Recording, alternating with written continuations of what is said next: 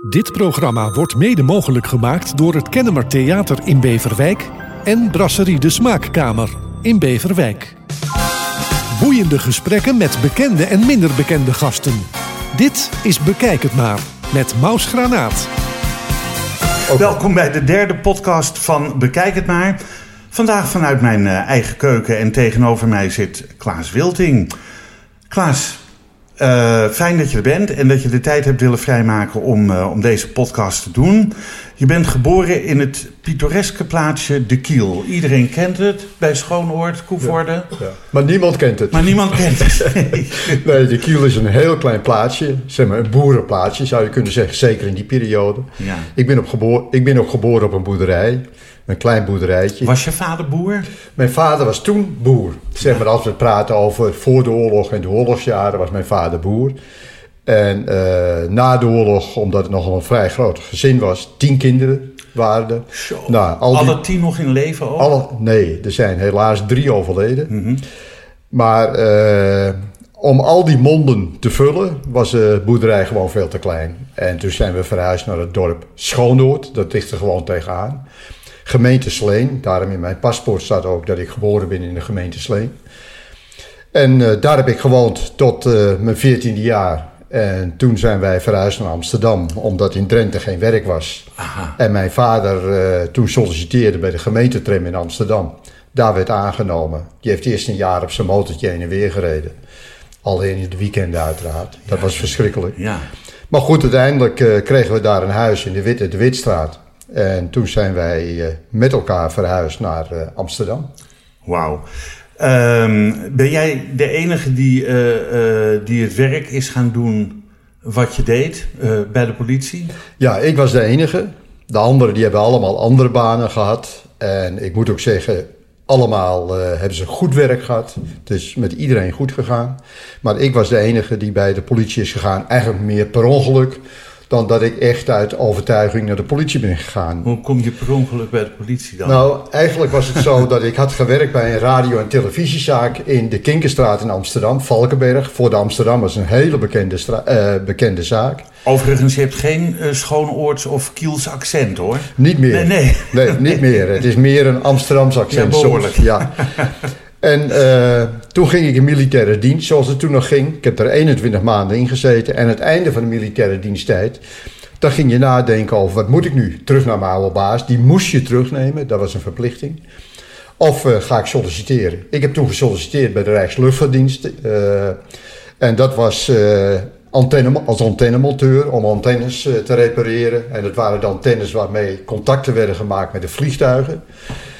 En daar werd ik al vrij snel aangenomen. Daar heb ik ook gewerkt. En ook tot grote tevredenheid van mezelf, mag ik wel zeggen. We gingen het hele land door. Maar in militaire dienst kwam ook een man van de politie. En die kwam daar vertellen over hoe verschrikkelijk mooi het politiewerk wel niet was. Dus ik denk, weet je wat, ik solliciteer ook bij de politie. Maar bij de politie duurde dat wat langer. Hele procedure om daar uiteindelijk bij te komen. Had ook te maken met dat ik in het verleden eh, een acute nierontsteking heb gehad. En dat moest eerst allemaal nagezocht worden. Maar goed, uiteindelijk kreeg ik een brief thuis van... nou, de keuze is op u gevallen en u mag naar de politie. Dus u kunt naar de politieschool op 1 juli 1964. Dus heel wat jaren terug. Toen ben je als aspirant ge- eh, Toen ben ik als begonnen. aspirant begonnen, maar Ja. ik wilde helemaal niet. Oh, Maar het is dat mijn moeder, en daar ben ik haar nog dankbaar voor, mij overhaalde. Die zei van, ach Klaas, doe het dan maar. Haal je nog een diploma erbij nog. En altijd goed, en bevalt het je later niet, kan je altijd nog weer weggaan. Maar goed, ik ben er blijven hangen. Je bent blijven hangen. Dat is duidelijk geweest voor iedereen. Had je, eh, toen je bij de politie was eenmaal en het toch leuk vond... een bepaalde carrièreplanning in je hoofd of helemaal niet? Eigenlijk helemaal niet. Ja, het enige wat je had werd, ik begon als agent, zoals iedereen dan begint. Dan krijg je twee strepen krijg je op. En vervolgens werd je Ga na... even checken of je het goed hebt hoor, met je twee Ja, strepen. ja, twee Ik strepen. heb, ja, eh, dan ben je surveillant. Nee, dat was vroeger zo. Nee. Oh, ik, ik, heb, ik heb, het, ik heb het, he- het hele staartje. Heb ik Ja, weet ik, maar dat was vroeg. Oh, was- dit, dit is, dit is nieuw. Kijk, toen, Oh, ik- toen ik begon, begon je met één streep, maar dat zat je op school. Ja. Dus was je aspirant, zoals dat Ja, noemde. ja. Daarna werd je agent, kreeg je twee strepen. Ja. En vervolgens, na vier jaar, werd je hoofdagent. Tenzij je niet eh, voldeed aan de eisen. Werd je hoofdagent, kreeg je drie strepen. ja. Toen ben ik in mijn avonduren ben ik mijn B-diploma gaan halen, zoals ze het noemen. Dus voor brigadier. En eh, dat is een studie van drie jaar s'avonds. Wow. Daar heb ik mijn diploma gehaald. En dat ging zo goed dat ze me meteen gevraagd of ik geen les wilde geven. Dus ik heb naast mijn politievak, heb ik in de avonturen ook nog les gegeven aan andere politiemensen. En uh, toen werd ik, uiteindelijk ben ik brigadier geworden, brigadier van politie. Dat betekent dat je dan aan het bureau zit als wachtcommandant. Ja. Met een groep onder je.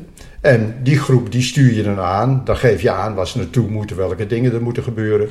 Of je ging met de groep in zijn totaliteit de straat op om bijvoorbeeld verkeerscontrole te houden of andere dingen. Uh, maar tussendoor was ik ook al mentor geweest aan een opleidingsposthuis om jonge politiemensen te leren. Hoe moet je nou in dat vak op straat je werk doen? Hoe moet je mensen aanspreken? Hoe moet je nu, als er ergens een ruzie is, uh, hoe moet je dat oplossen? Dus daar heb ik ook nog een pauze gedaan. Maar uiteindelijk werd ik brigadier. Ik, want ik heb wel begrepen dat je in 1969 officieel praktijkopleider bent geworden. Of uh, praktijkdocent. Hoe had ik ja, nee, de trainer ben geworden. Ja, ja. mentors noemden oh, ze dat. oh, mentor. okay. Dat is mentor voor jonge politiemensen. Ja. En dat was een uh, mooie periode. Maar goed, uiteindelijk werd ik brigadier. En toen ik brigadier werd, toen heb ik nog een poosje gewerkt in de binnenstad van Amsterdam. Maar vervolgens uh, heb ik gesolliciteerd naar een functie als verkeerschef uh, van de verkeersvoorlichting. Dat ben ik ook een poosje geweest, dus daar werd ik aangenomen. Daar had, je, had ik politiemensen bij me die ook naar de scholen nog gingen om daar verkeersles uh, Ja, te geven. ja. Dat waren ook politiemensen die eh, zorgden voor de verkeersexamens voor de kinderen op een fiets. En dan werd het ook allemaal geregeld. Dat heb ik enige jaren gedaan en toen werd ik van de ene op de andere dag overgeplaatst. Dat was in 1980 naar het bureau voorlichting, waar ik dus verder mijn carrière voortgezet. Maar eh, eh, je, gaat, je gaat heel hard door, Klaas, vind Ja. ik eigenlijk. Want eh, wat ik. Wat ik, ja, ik, ik heb je natuurlijk een beetje ingelezen. Wat ik begrepen had, is dat je ook nog correspondent was bij de regionale dagbladen. En dat je werkte als trainer in de praktijk. Ja. Of was dat een nevenbaan naast de politie? En naast correspondent was je ook nog freelance medewerker van het Noord-Hollands Dagblad. Ja, nou, dat, dat, in de praktijk, dat, dat was mentor, zeg maar. Want Ja. Dat is gewoon zo, dat aan een politiebureau, dat was aan de Ja. Daar eh, kwamen dan jonge politiemensen die van school afkwamen. Die werden aan een mentor toegevoegd en die moest maar leren hoe gaat het nou in de praktijk. Want je kunt wel helemaal volgegoten worden met theorie. Maar de theorie is één ding, maar de praktijk is natuurlijk weer bassig en is anders. Ja. Dus dat, dat gebeurde. Maar ik was inderdaad in mijn vrije tijd, want ik woonde toen in Spierdijk in, het, eh, in eh, West-Friesland. In West-Friesland, toen werd ik eh, correspondent van, de Verenigde, van Noord-Hollands Dagblad toen Ja. nog. En niet alleen Noord-Hollands Dagblad, maar ook het West-Fries Dagblad. Want je had twee dagbladen in eh, West-Friesland. Ja. Daar kreeg ik een dubbeltje per regel, dat weet ik nog. Een dubbeltje begrepen. Dus dat, dat was niet zoveel. Dus ik schreef heel wat regels en de helft werd natuurlijk doorgekrast. Maar dat duurde maar heel kort. En toen werd ik freelance medewerker voor diezelfde kranten. Eh, en ik heb interviews gehouden met burgemeesters. Eh, ik heb interviews gehouden over de ruilverkaveling. Nou, je kunt zo gek niet bedenken. Ja, dat was heel veel in Ja. West-Friesland. Er werd, er werd heel veel eh, verkaveld. Ja. En ik was ook de man die alles deed wat met judo te maken had. Dus ik was eigenlijk, eh, ja, zeg maar, half journalist en half eh, politieman, maar politieman volledig. En eh, ik heb zelfs nog op het punt gestaan om over te stappen. Want op een gegeven moment... Wa- Was je ooit thuis? Want ik kijk nou Gerda even aan. Want was hij ooit wel thuis? Nee, ze was al lang blij dat ik regelmatig Oh, was- weg was. Nee hoor, ik, ik, ik zorgde er wel voor, want dat ging gewoon heel goed. We hebben twee kinderen en eh, daar gingen we altijd mee sporten en weet ik veel wat. Dus dat, dat viel nog wel mee. Maar ik heb in- inderdaad heel veel gedaan. En eh, een ander die werkte altijd acht uur per dag. En zeker toen ik bij de voorlichting zat, waren mijn dagen meer 10, 12 uur soms, Ja. dan dat het acht uur per dag was. Maar goed, het geeft niet. Als je plezier hebt in je werk, vind je dat gewoon, eh, gewoon prima. Maar de krant, ik was bijna overgestapt van Noord eh Dagblad voor Friesland en het Noord-Hollands Dagblad werden samengevoegd. Dat werd het Verenigde Noord-Hollands Werd de Dagblad. Verenigde Noord-Hollandse Dagbladen. En op dat moment werd ik benaderd. Klaas, zou je niet eh, bij ons als journalist willen komen werken?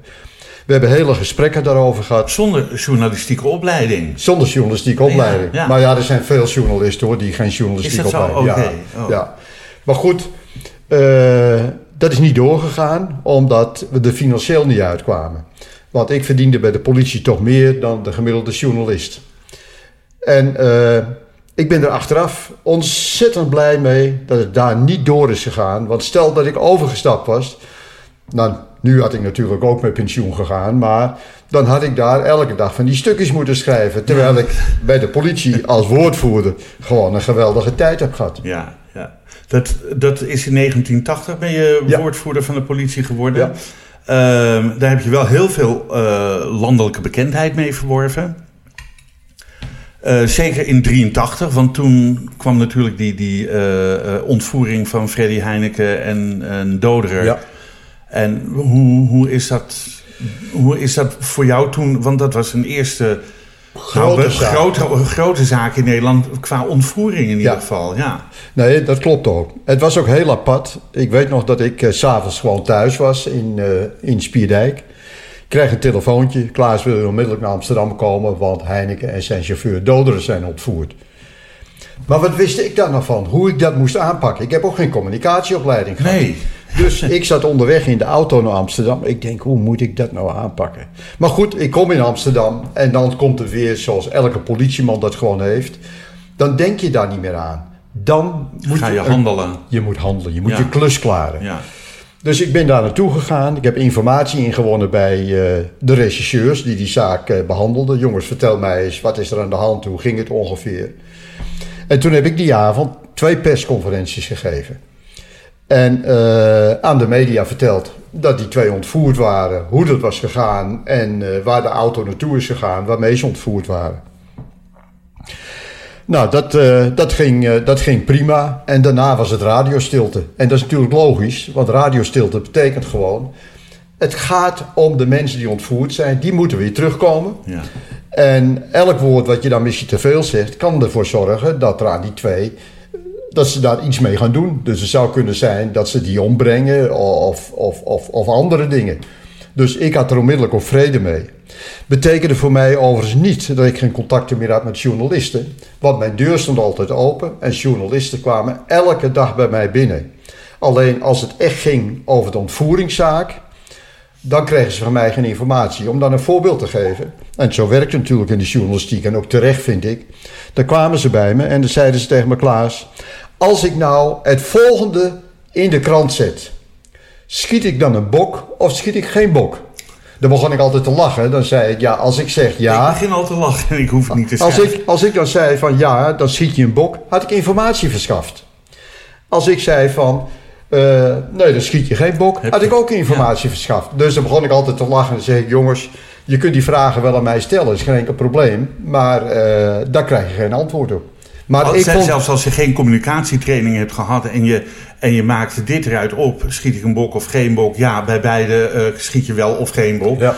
Vind ik, dat vind ik al een geweldig antwoord. Ja, maar dat heeft denk ik te maken met, en dat zeg ik vaak tegen jonge mensen ook. Het heeft te maken als je op een gegeven moment merkt dat je bepaalde talenten hebt. Ja. Hè? En dat talent was bij mij dan dat ik gemakkelijk kan praten, ik kan gemakkelijk formuleren, ook in normaal eh, verstaanbaar Nederlands, want dat is al heel belangrijk. En het zit in mijn hoofd en ik weet precies wat ik moet doen of wat ik moet zeggen. Als je dat verder gaat ontwikkelen, dat betekent dat je een gelukkig leven krijgt. En ik vergelijk dat, ik vergelijk dat wel eens met. Kijk, ik heb dat in me. Maar als je aan mij zou vragen. Nou, daar is iets stuk. Zou je dat willen maken? Dan zeg, kijk ik meteen naar mijn vrouw en dan zeg ik: dat moet mijn vrouw maar even doen. Dus het, het heeft gewoon mee te maken, en dat geldt eigenlijk voor alle mensen. Geluk bepaal je voor een deel, niet helemaal, maar voor een deel zelf. En het geluk bepaal je vooral wanneer je je talenten die je hebt verder gaat ontwikkelen en daarmee aan de slag gaat. Nou, dat heb ik gedaan. Maar die talenten die ik op een gegeven moment bij mezelf ontdekte, dat kwam eigenlijk niet door de voorlichting. Dat kwam omdat ik in mijn vrije tijd in Spierdijk ben ik lang voorzitter van een voetbalvereniging geweest. En als je echt communicatief wat wil leren, moet je voorzitter worden van een vereniging. En waarom? Omdat bij een vereniging heb je altijd te maken met zeikers. Want iedereen weet precies hoe je het moet doen, alleen ze doen het zelf niet. Nou, en daar wist ik op een goede manier mee om te gaan om die zeikers toch uiteindelijk de mond te snoeren. Ja. En dat is belangrijk. En ze het zelf te laten doen, want dat is belangrijk. Ja, ik, ik haal dus ook, dat deed ik nog wel, als, en dat doe ik ook overigens, ik geef vrij veel lezingen. Dat doe ik bij een lezing, als ik zie dat mensen wegduiken en achterin gaan zitten, haal ik naar voren. Dan zeg ik altijd, ik wil je in je ogen zien. Ik wil zien in je ogen of mijn verhaal bij jou binnenkomt. Dat deed ik ook bij de voetbal. Dan haalde ik die zeikers van achterin naar voren of en dat is nog een mooiere truc. Door tegen ze te zeggen als ze weer zo'n zeikvraag hadden. Nee mensen, nee, dat is toch een redelijke vraag die die man stelt. Daar moeten we toch eens over nadenken. Dan had je hem te pakken. Had je hem gewoon te pakken. Dus het is, is een bepaalde techniek die je ook in de communicatie gewoon goed kunt gebruiken. Maar als je het hebt over het naar buiten brengen, en dat is echt waar wat ik nu zeg. Als er een journalist bij me kwam met een camera ik hoefde me nooit van tevoren voor te bereiden. Ik zei dan ook altijd, schei uit, dat doet niet. Als ze op mijn kamer kwamen, ik ga daar zitten, stel de boel maar op. Stel me maar vragen, want ik wist, ze kwamen ergens voor, dus daar weet ik alles van. Dan rolde het er gewoon uit. En dan dacht ik soms later wel eens... Heb ik dat gezegd? Hoe, hoe, hoe, hoe kan dat? Maar dat is dan weer die talent die je hebt en het talent wat je zelf moet ontwikkelen. Maar dat geldt voor, eigenlijk voor alle mensen. Heb je ooit kunnen bevroeden dat die Heinekenzaak uh, zo een ontzettend lang vervolg zou krijgen met holleden, liquidaties, een film die ervan gemaakt is, et cetera? Dat heb je nooit van tevoren. Nee, dat heb je niet kunnen bevroeden. Maar ik kan alleen maar zeggen: wat je daaruit opmaakt, is dat het schorum is. Ja, ja. Het is tuig van de richel. En waarom? Kijk, ook Holleder, als Holleder daarna een nette jongen was geworden, dan had ik er vrede mee gehad. Dan had ik nog kunnen zeggen, nou oké, hij heeft dat uitgespookt. Hij heeft zijn straf heeft hij gehad. Dan moeten we hem ook weer een eerlijke kans geven. Hmm. Maar het is tuig gebleven. Ja. En ook de mensen om hem heen is tuig gebleven. En ik zeg er ook in mijn boek, uh, uh, zeg ik dat ook. Kijk, die mensen waar ik mee te maken heb gehad, en er zijn er heel veel. Bruinsma was voor mij de eerste. Klaas Bruinsma. Klaas Bruinsma, een van de grootste criminelen. Ja. En al die anderen. Alleen Holleder leeft nog. En al die anderen zijn allemaal dood. Of hebben elkaar geliquideerd of zijn op een andere wijze om het leven gekomen. Dus als je dat dan ziet, dan zeg ik... Het tuig heeft zichzelf geëlimineerd. Hm? En dat is ook belangrijk. Hoewel het kan in een rechtsstaat, mag dat natuurlijk niet. Nee, niet Ed. En Holleder zit nog steeds vast. En ik hoop ook dat hij ook nooit meer vrijkomt. En dat zal hij ook niet. Ik denk, ik denk dat iedereen het wel een beetje hoopt. Wat is naast deze zaak voor jou een zaak geweest die altijd in je geheugen gegrift is gebleven? Dat is in elk geval natuurlijk de Bijlmerramp. Oh ja, ja. De Bijlmerramp, dat was natuurlijk gewoon verschrikkelijk.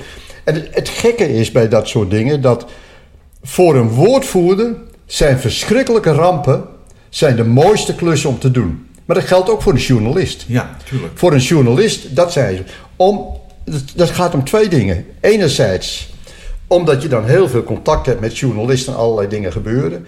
Anderzijds omdat je dan op dat moment kunt laten zien wat je in je mars hebt.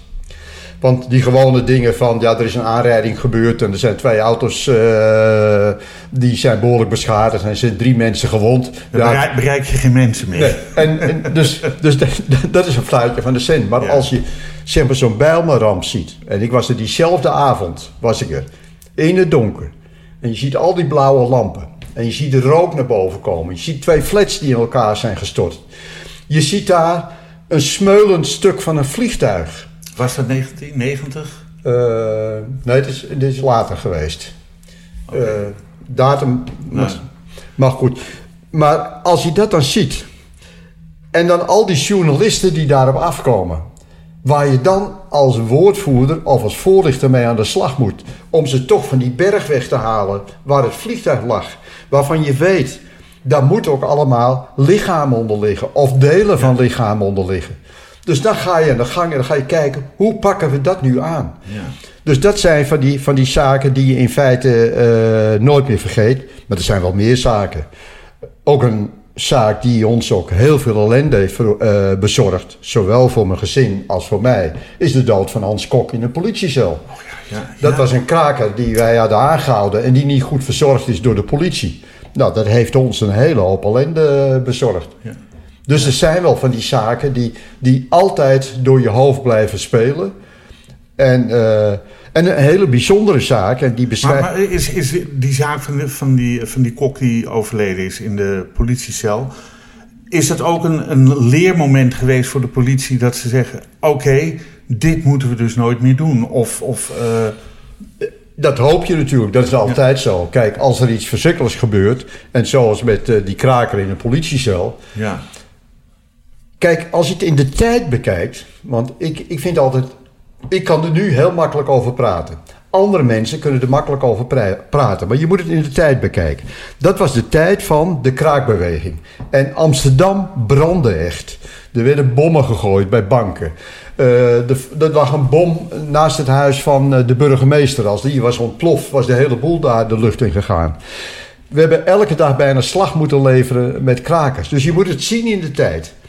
En dan krijg je op een gegeven moment dat er een hele grote actie is ten aanzien van een bepaald pand, waarin krakers zitten, die de politie hebben bekogeld, waarbij slag moet worden geleverd en je, neemt, je neemt ze allemaal mee naar binnen. Dan kom je in zo'n cellencomplex, op het Hoofdbureau was het toen nog, nu is het verspreid op andere plekken. Marnixstraat. Ja, ja. Dan kom je in zo'n cellencomplex.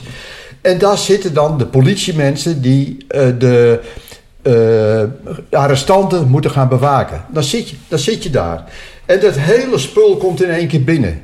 Met alle spanning die daarbij zit. Met ook hoe ze bejegend worden, wat erbij zit. Dan is het zo, dan kan ik mij achteraf kan ik me voorstellen dat de dingen fout zijn gegaan.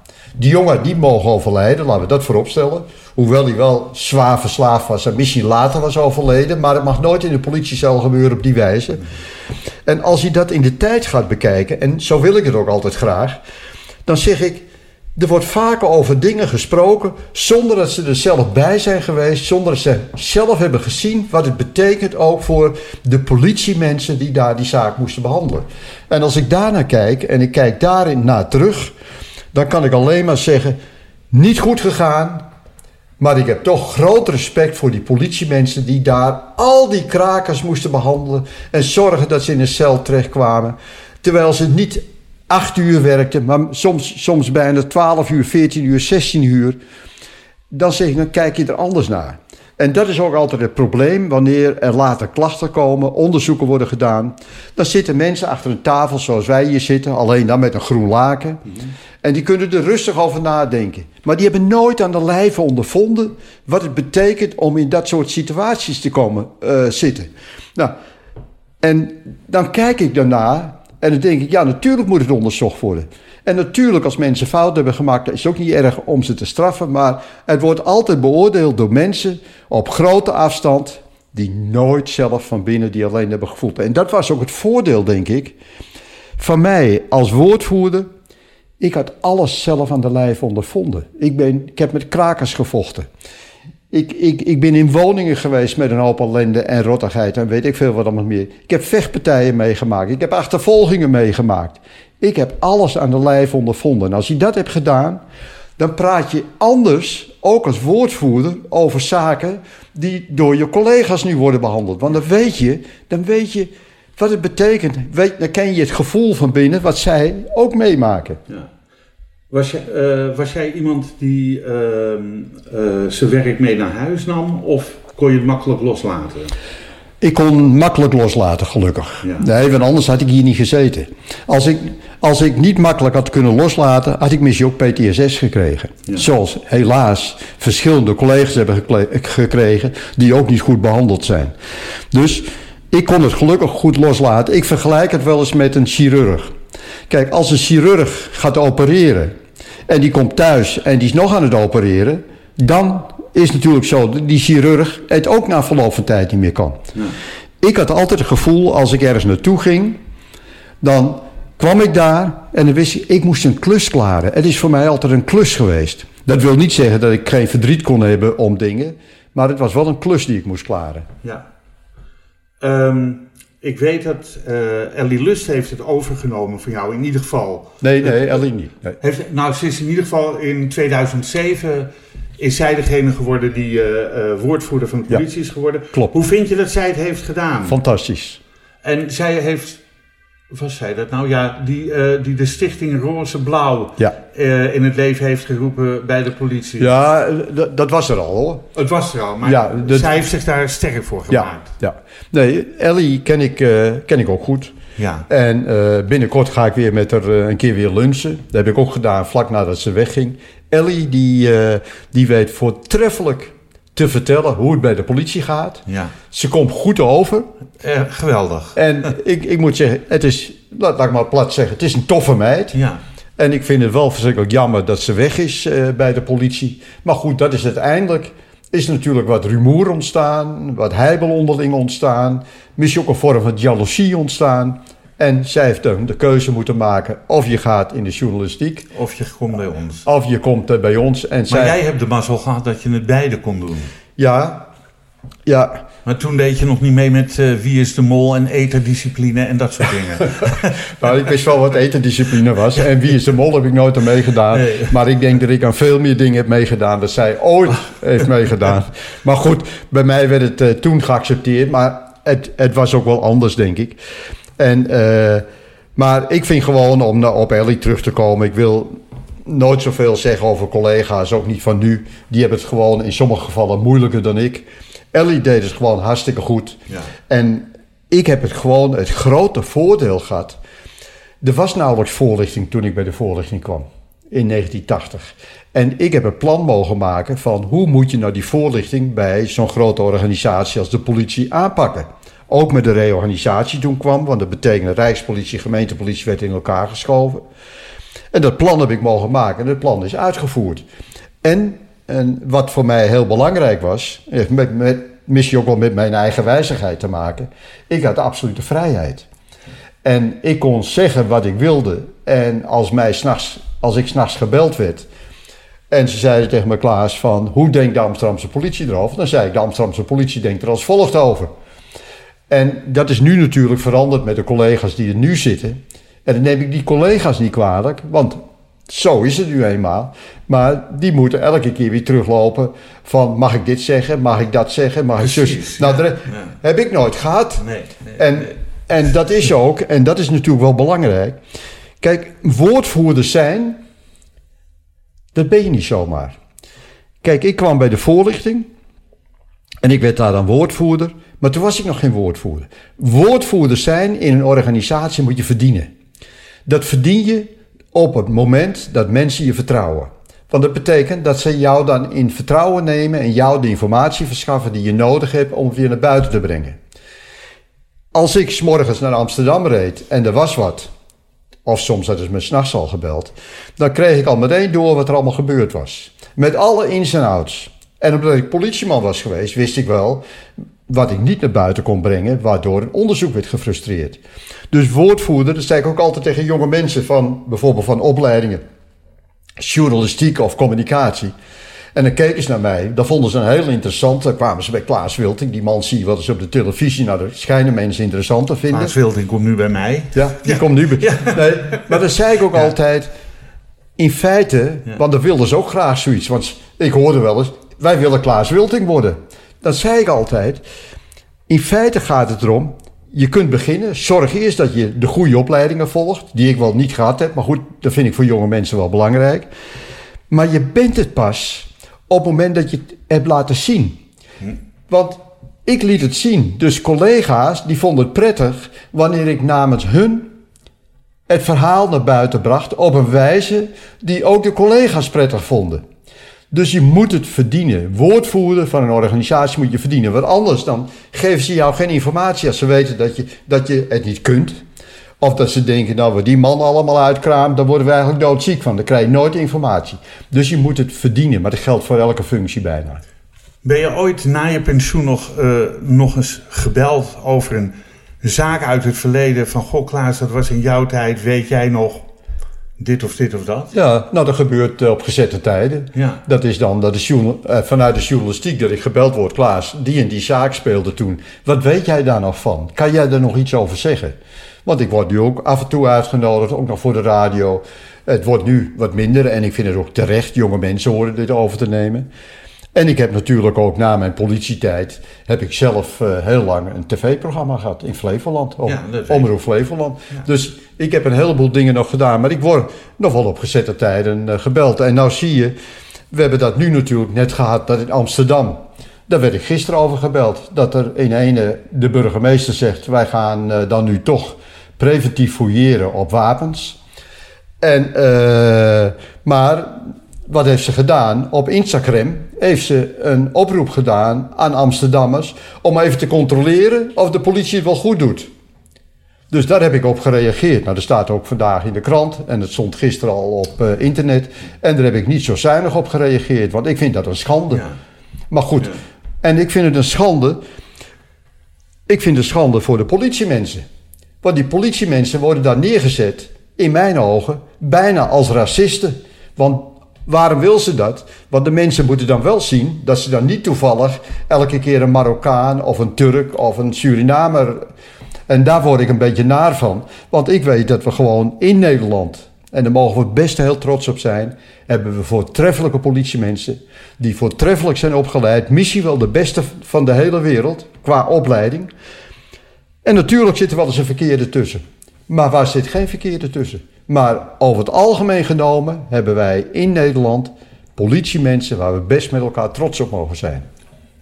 Hoe eh, sterk moet je zijn, mentaal sterk zijn, om bij de politie te werken? Ik, ik bedoel eigenlijk, eh, dan kijk je wel eens naar series of je hoort dat de politie een inval heeft gedaan, tonnen geld, cocaïne, weet ik veel wat, om niet als politieman, als er twee ton contant ligt, nou twee pakjes van 100 euro in je zak te laten glijden en denken van, nou de rest geef ik wel. En het lijkt mij heel moeilijk. Ik denk dat ik enorm in de verleiding zou komen. Dan ben ik natuurlijk ook geen politieman geworden. Nee, ik hou jou ook in de gaten hoor. Je houdt me nu al in de Ja, gaten, heel ja. goed. Eh, maar het lijkt mij gewoon enorm eh, verleidelijk om, om dat te doen, om dat soort dingen. Ja. Nou, ten eerste is meestal zo dat je niet alleen bent. De meeste zaken die je doet, en zeker als je het hebt over onderzoeken in woningen bijvoorbeeld, dan ben je meestal met een clubje. Dus dat betekent dat je nooit alleen bent. Ik, eh, ik denk als je naar 98, 99 procent van de politiemensen kijkt, dat die absoluut niet in verleiding komt, komen. En waarom niet? Omdat het mensen zijn die integer zijn en daar helemaal niet aan denken. Die denken er niet aan. Die zien er wel misschien dat geld liggen, maar die zullen er nooit met hun handen aankomen. En natuurlijk is bij de politie ook wel eens voorgekomen dat iemand wel met zijn handen eraan heeft gezeten. En als het uitkomt, dan is het einde verhaal Ja. bij de politie en terecht. En los even van de gevangenisstraf die je eventueel krijgt. Dus ik denk, ik verbaas me er ook wel eens over. Ik heb dan bijna 40 jaar bij de politie gezeten. En er is nog nooit iemand geweest die tegen mij heeft gezegd van Klaas, als je dat voor mij doet of je geeft me die informatie, dan heb ik er wel wat voor over. Nooit meegemaakt. En dat geldt voor de meeste politiemensen. Het heeft ook te maken met je uitstraling. Ze weten gewoon, als ik bij die man doe, Dan, eh, dan, dan heb ik een probleem. Want als ze tegen mij hadden gezegd, dan waren ze misschien gearresteerd. Had ik gezegd, hé, hey, je probeert me nu om te kopen.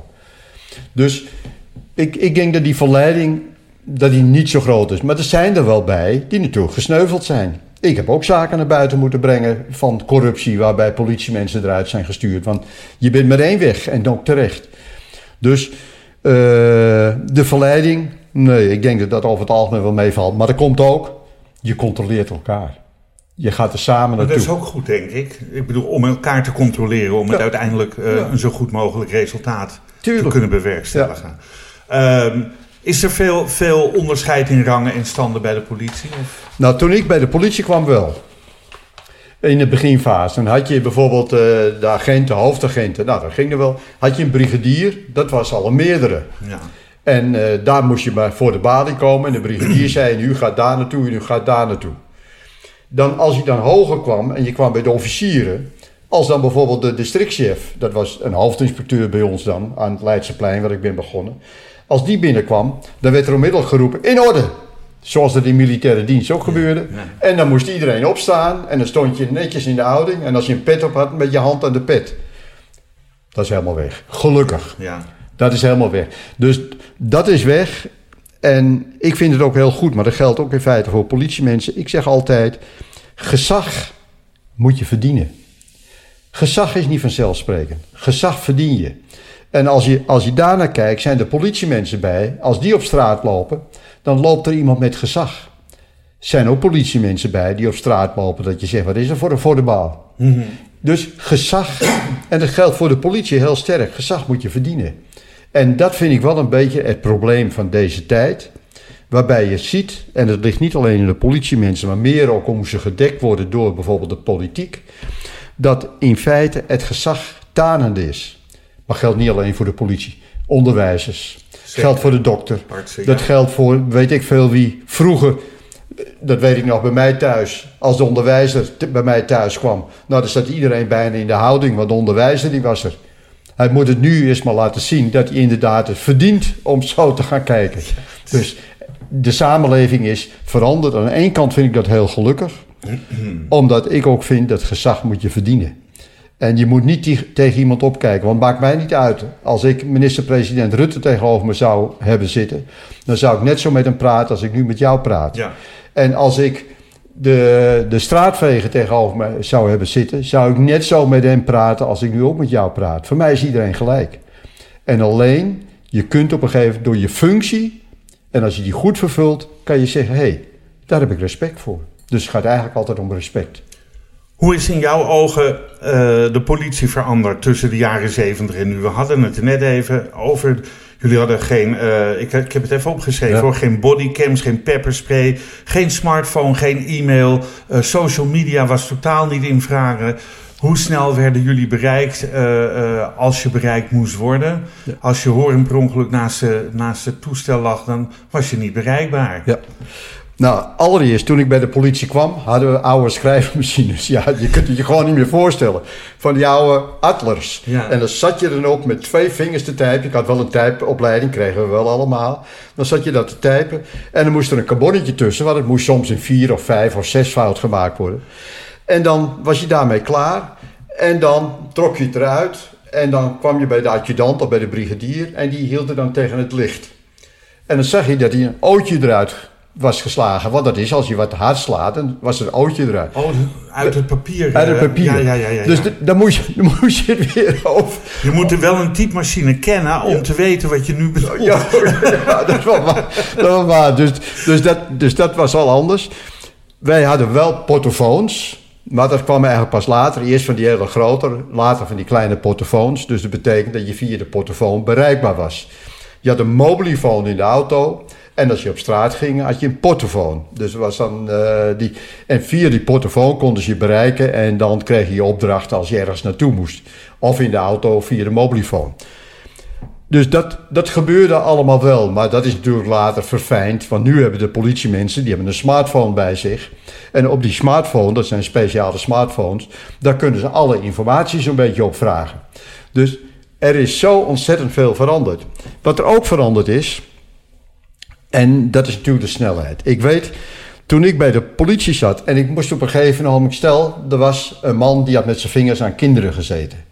Nou, dan ging je naar het hoofdbureau van politie, want je had een bepaald signalement gekregen. En dan ging je in de kaartenbak kijken. En had je allemaal grote bakken met foto's erin. En dan was je aan het kijken en aan het zoeken van... die lijkt er wel een beetje op, die lijkt er een beetje op.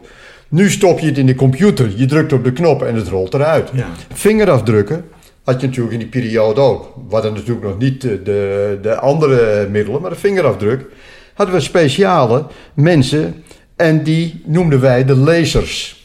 Wat, nee, niet de lezers, dat, ja, de lezers, die gingen al die vingerslips, want dat was vroeger, had je dat in de kaartenbak, daar zaten al die vingerslips waar je vingers op stonden, die zaten achter elkaar.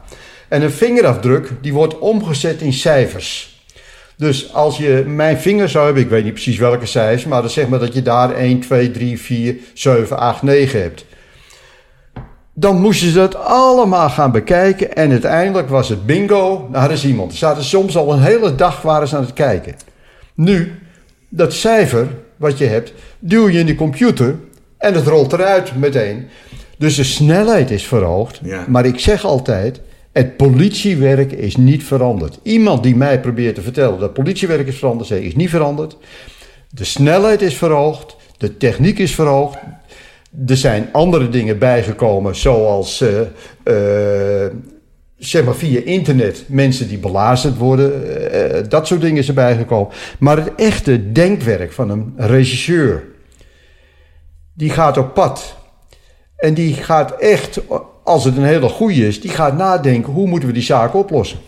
De informatie die je binnen kan halen, ten aanzien van vingerafdrukken die je eventueel heeft, of ten aanzien van het gezicht wat er eventueel is, of het analyseren van de informatie, want dat is natuurlijk ook belangrijk, dat haalt hij wel in één keer binnen. Want als ik even terug ga grijpen naar de ontvoeringszaak van Alfred Heineken, dan was het zo dat wij elke dag een vergadering hadden. Een hele grote tafel in een grote zaal. Dan zaten we allemaal s'morgens om de tafel, smiddags nog een keer om de tafel. En dan zei de leider van het onderzoek, dat was Kees Sietsma in, in, in die periode. Dan ging hij de tafel langs en zei hij tegen jou van, eh, wat heb jij vandaag gedaan? Nou, ik heb dat en dat gedaan. Heb je nog wat gezien? Ja, ik heb Jantje gezien, ik heb Pietje gezien en op die plaats was die. En zo gaat hij de tafel rond en uiteindelijk kan je een combinatie maken. Dus het betekent dat je dan kunt zeggen, hé, hey, hij heeft ook wat gezien. Hij was ook op die plaats en zij was ook op die plaats. Dus laten we dat eens gaan combineren. Analyseren, zoals ze dat noemen. Laten we dat eens gaan combineren. Maar dat is nu veranderd. Want nu is het zo dat je die informatie die in processen verbaal stond, die met de hand waren getypt, die moest je lezen en dan moest je er maar uithalen. Nu stop je het in de machine. Je hebt speciale analisten bij de politie. Die gaan het analyseren en dat betekent dat die informatie nu heel gemakkelijk meteen weer binnenkomt. Dus waar wij dagen over deden, dat is nu soms in vijf minuten klaar. Ja. ja. Maar dat is, dat, is, dat is de verandering van het politiewerk, maar dat is de techniek. En als je het over het echte politiewerk hebt, en dat noem ik een wijkagent die in de buurt loopt. En die wijkagent loopt in de buurt, en we hebben er veel te weinig, maar die loopt in de buurt en die luistert. En die ziet. En die hoort. En dat is het echte politiewerk, want die hoort van een moeder. Nou, met mijn zoon is het verschrikkelijk. Ik denk dat de verkeerde kant op gaat. Kunt u er eens naar kijken? Om een klein voorbeeldje te noemen, want georganiseerde criminaliteit begint in buurten en wijken. En dan wordt het langzamerhand worden het grote jongens, terwijl ze op 12, 13, 14-jarige leeftijd al meestal de verkeerde kant op gaan. Die wijkagent loopt in die buurt en die kan zien wat er gebeurt. Die kan mensen helpen. Dat is in feite, als je gaat kijken, het echte politiewerk zit daarin. En dat je daarnaast regisseurs hebt die met georganiseerde criminaliteit bezig zijn. Natuurlijk, moet ook aangepakt worden. Maar het echte politiewerk is die wijkagent. En die wijkagent, als we daar voldoende van zouden hebben, dan was de georganiseerde criminaliteit in Nederland nooit zo groot geworden als die nu is. Nou, dat is duidelijk.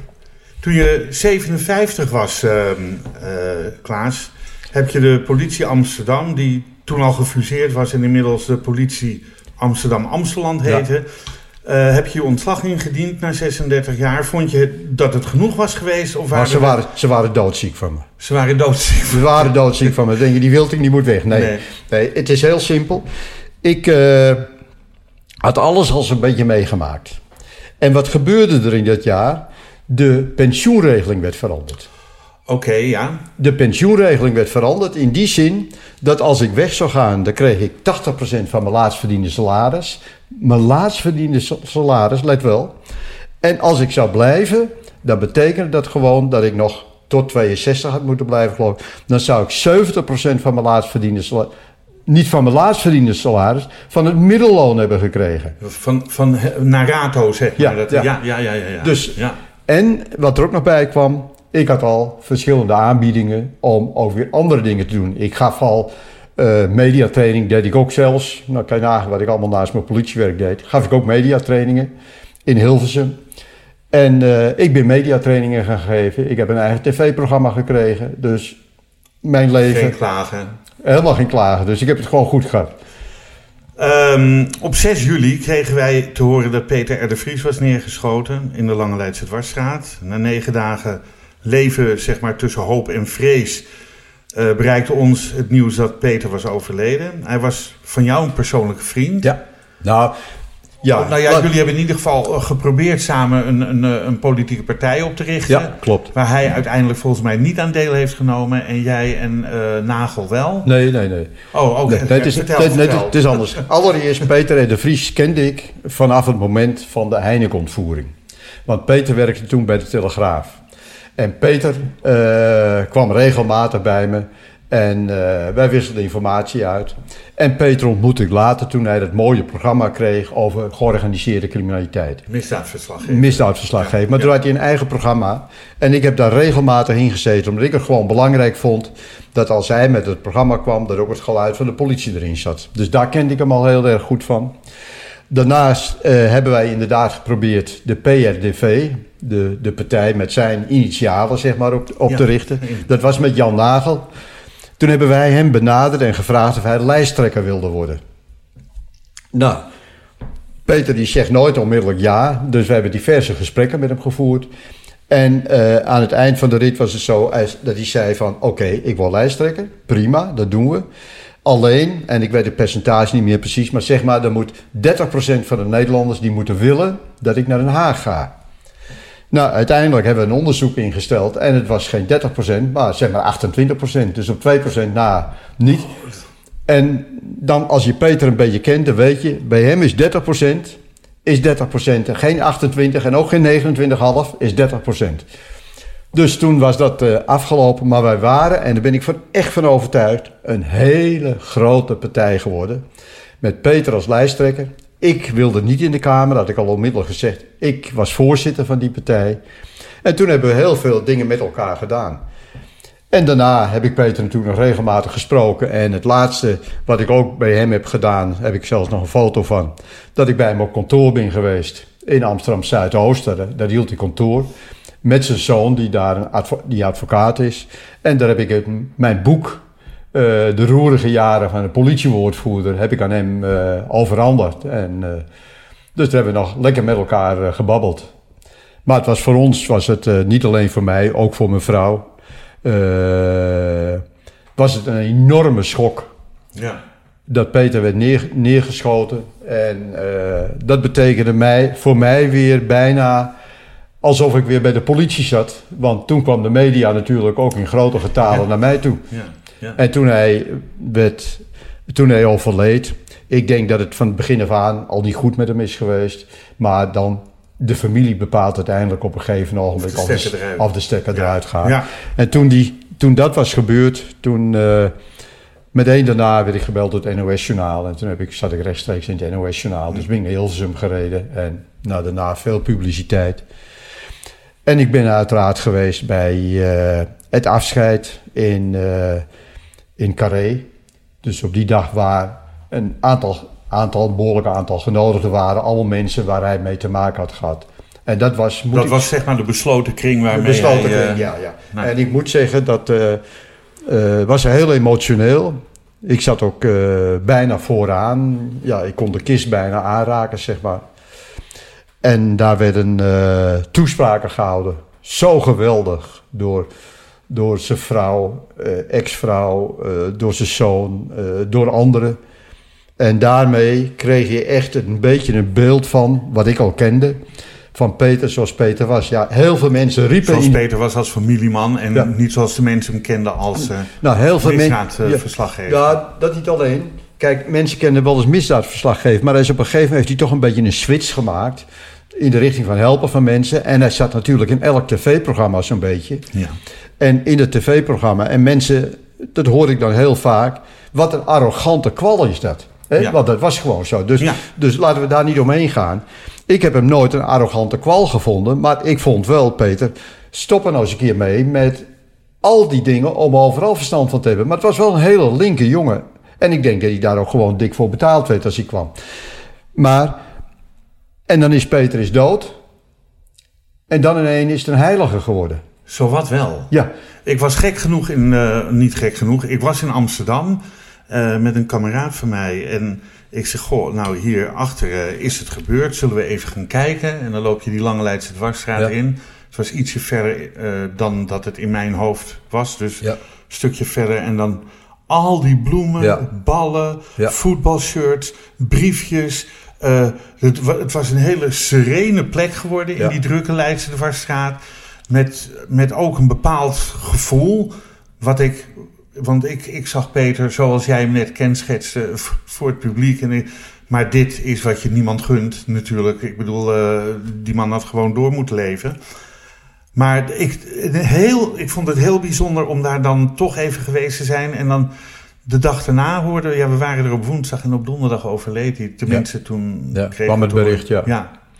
Ja, nee, maar, maar kijk, wat natuurlijk is, wat Peter, waardoor mensen hem eh, ook echt zo geëerd hebben zoals ze gedaan hebben, wat ik heel erg goed begrijp, is, ze hebben hem geëerd voor een paar dingen. Allereerst was hij een van de mensen die de kat de bel aanbond en gewoon zei van, justitie, jullie doen niet goed. Je zult door het gaatje moeten gaan. Nou, neem maar de Puttense moordzaak, Ja. is daar een mooi voorbeeld van. Die twee mannen die onterecht vast hebben gezeten. Ja, ja.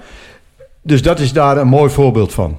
Als je ziet hoe hij dat jochie wat om het leven is gebracht, eh, vermoedelijk misbruikt is. Maar goed, die zaak die loopt nu nog steeds, die misbruikt is.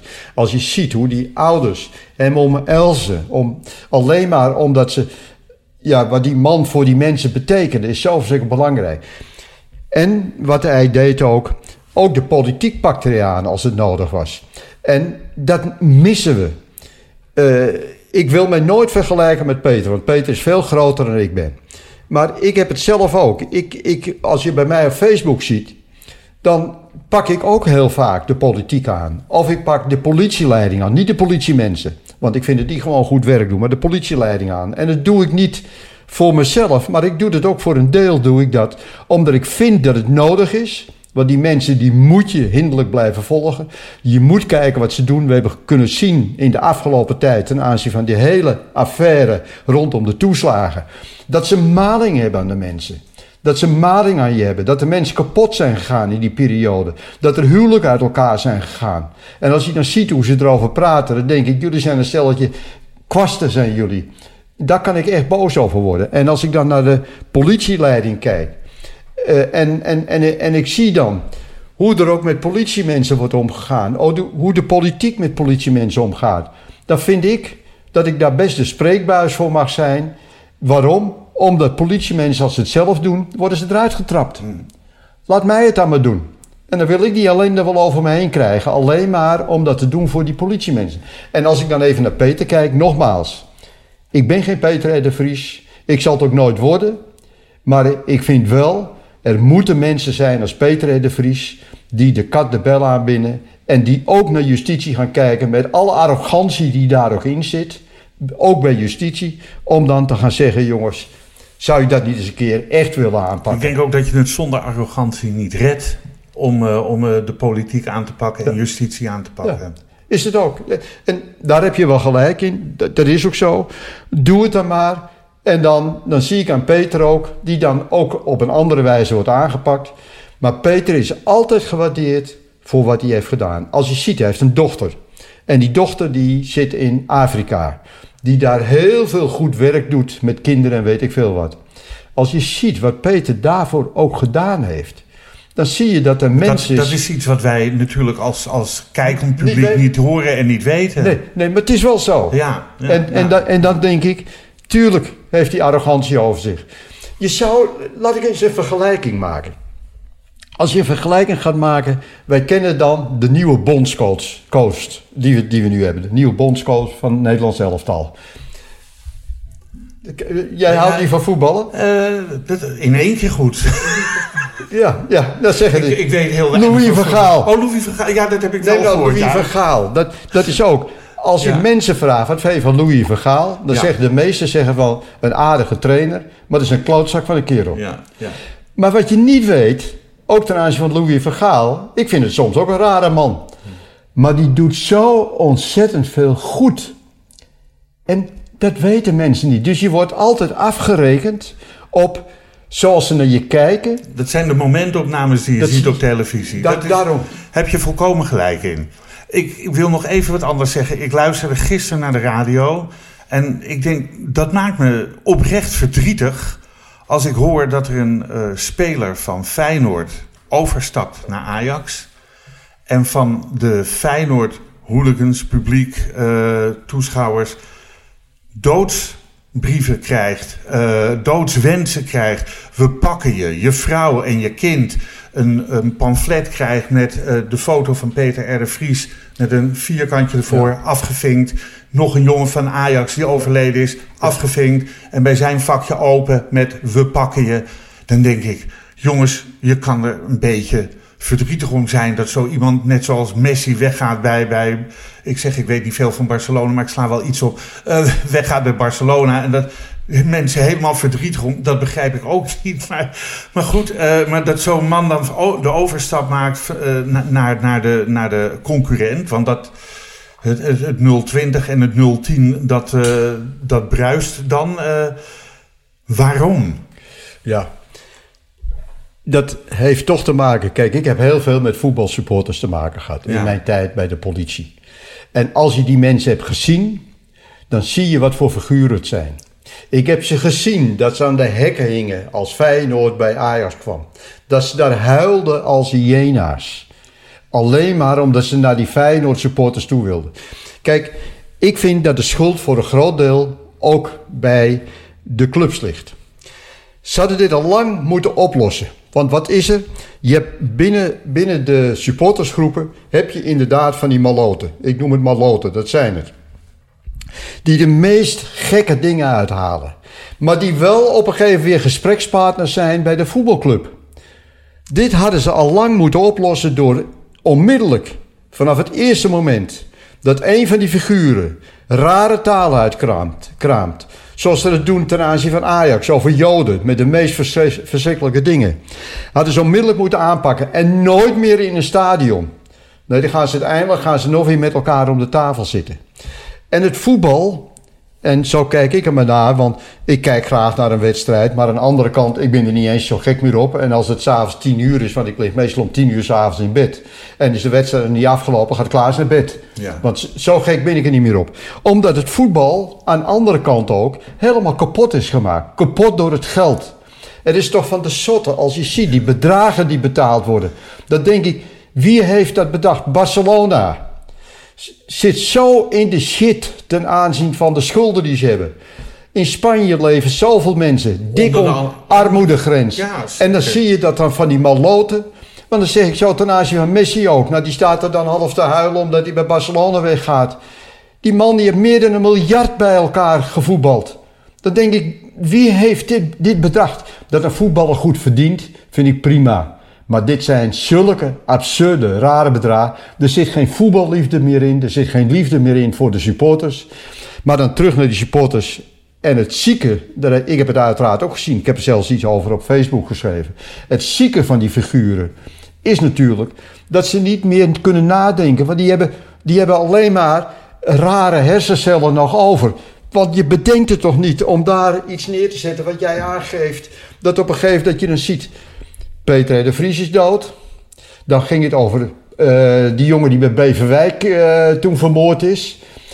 Polletje waar wat mee is gebeurd. En dat ze dat dan durven te gebruiken en dan nog het vakje open hebben voor die voetballer die van Feyenoord vandaan is. Het is verschrikkelijk, maar dat is niet alleen. Kijk naar onze samenleving. Wat je dagelijks ziet, wat er dagelijks gebeurt. Overigens vroeger ook al hoor. We hebben een poosje rust gehad. Maar als je ziet wat er gebeurt met de wapens. Als je ziet de, hoe makkelijk je neergestoken wordt. Als je ziet de vergismoorden. Dan zijn we toch in een absurde, in een absurde samenleving terechtgekomen. Van week nog hebben ze een, een jongen met een verstandelijke beperking ontvoerd. En op een gegeven moment hebben ze hem bij, bij ik geloof bij Amersfoort of bij Leiden losgelaten. Omdat ze, ze, het was een uh, vergist hadden in, in de persoon. En denk ik, God, ik, ja, uh, dan moet je je voorstellen wat er met zo'n jongen, met zo'n jongen gebeurt. Dus we zijn als men, la, uh, mensen die moeten er eens over nadenken in wat voor maffe samenleving we terecht zijn gekomen. Maar als je op straat, dat heb je ook pas gezien, dat op straat een man die spreekt een ander aan omdat hij met het rijden op een rare manier had gereden. Die krijgt meteen, die man, het is voor die man is zijn leven afgelopen.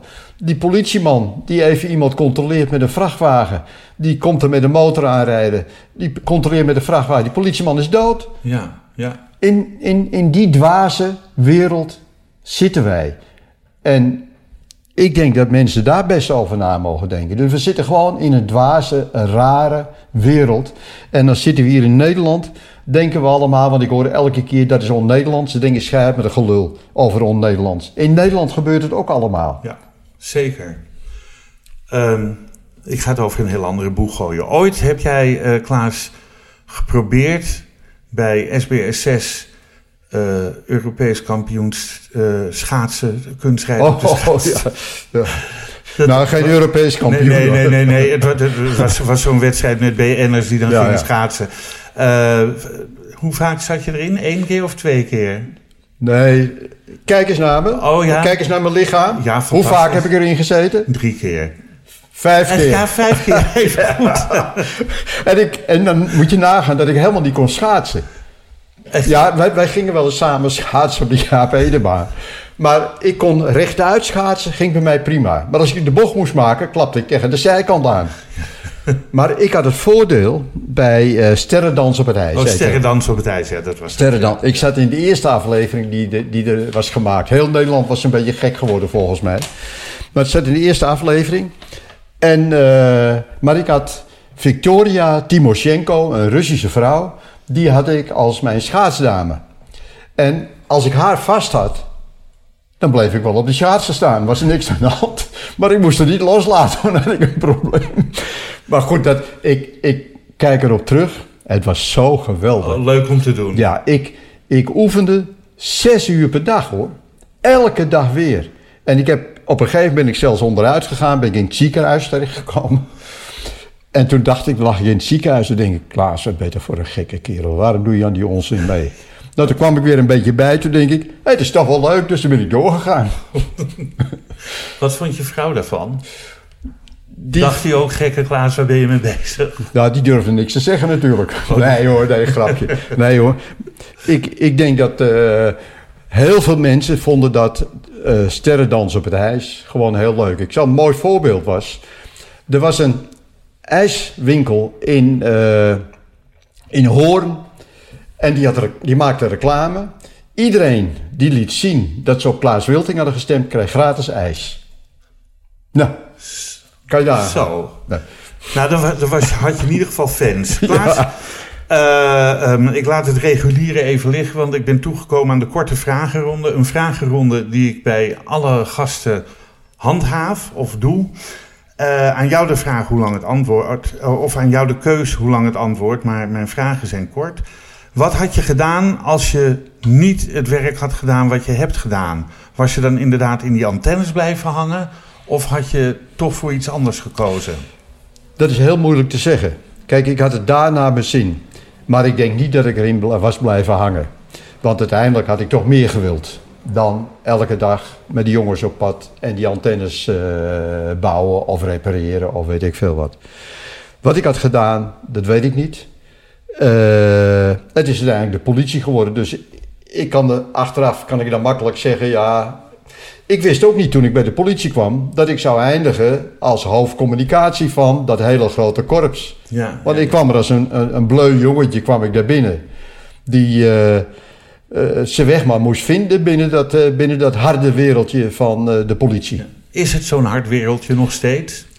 Ik denk dat het wat minder hard is geworden, maar in mijn periode was het eh, toch wel een harde wereld. Niet onderling. Onderling gingen we heel goed met elkaar om.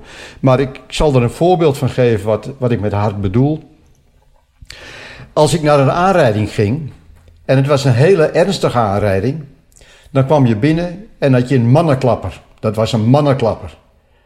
En als je binnenkwam, er was er niemand die tegen je zei: Moeten we niet eventjes gaan zitten? Van, want je hebt toch dat even meegemaakt. Er waren toch één of twee doden. nazorg. Ja, was er helemaal Nee. niet. Was er heel, dat is nu wel, maar dat was het toen absoluut niet.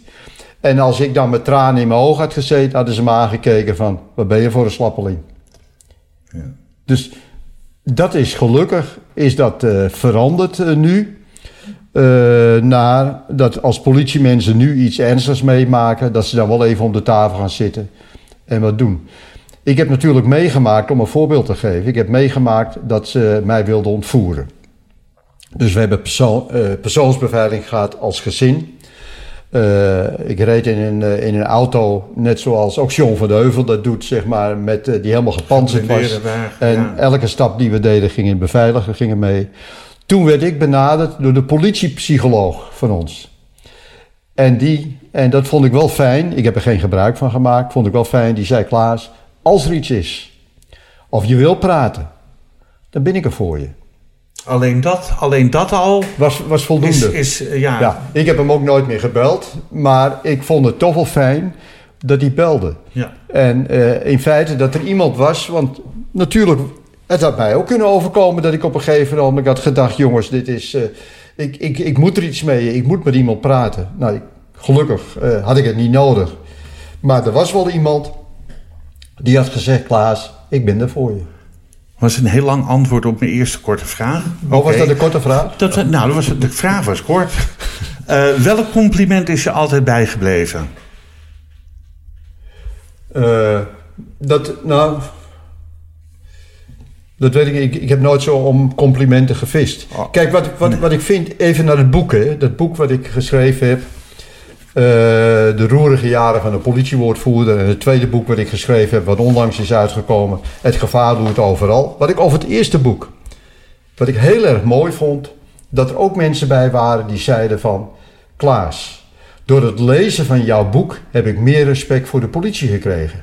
Nou, als dat- je alleen dat al ermee bewerkstelligt, Ja. denk ik dat je je doel al bereikt hebt Heb met het schrijven bereikt? van dat boek. Ja. Ja. Ehm, met welke karaktertrek van jou kun je een ander tot wanhoop drijven? Ja, dat zou jij eigenlijk aan mijn, aan mijn vrouw moeten, moeten vragen. Ja, tuurlijk. Wij zijn 52 jaar getrouwd. Ja. Echt ruzie, zeg maar echt ruzie, wat je dan wel eens hoort, hebben wij nooit gehad. We hebben wel woorden. En heeft, voor een deel heeft dat te maken dat ik soms eigenwijs ben. dat ik soms eigenwijs ben, maar het heeft, heeft, heeft ook eh, te maken net zo goed met dat ik mij soms erger aan dingen zoals mijn vrouw dat doet. Dat blijf je altijd houden, in een, zelfs in een goed huwelijk. Eh, maar maar als, maar als je echt gaat kijken, en dat is ook gewoon zo. Als wij ook al woorden hebben s'avonds of overdag, dan zal ik niet gaan slapen Voordat je het voordat het weer opgelost is. Ja. Nou, en dat is denk ik eh, belangrijk. Oké. Ehm, wat is het meest emotionele moment uit jouw leven geweest? Behalve natuurlijk de geboorte van je kinderen en je huwelijk. Want dat zeggen heel veel mensen. Ja. Nee, wat heel emotioneel is geweest is natuurlijk, en we hebben het al even over gehad, is de Bijlmerramp. Oh ja, ja. Als je daar de eerste avond loopt en je ziet wat daar gebeurt. En je hebt in je achterhoofd hoeveel doden zijn hier gevallen. En dat is natuurlijk heel erg emotioneel. Maar dan kan ik het gelukkig weer vrij snel wegzetten, omdat ik dan weer een klus te klaar heb. Dus ik ben daar, zoals mensen die kijken naar je, je komt daar, hé, hey, Klaas is er, of een politieman is er, en die moet handelend optreden. Daardoor heb je misschien ook het grote voordeel dat je heel snel dingen van je af kunt zetten. Maar het is natuurlijk heel emotioneel als je daar rondloopt en je ziet wat daar gebeurt. En een tweede wat heel emotioneel was, heeft ook met de Bijlmerramp te maken. Dat ik binnen was in de hangar waar de stoffelijke resten van de mensen naartoe gingen.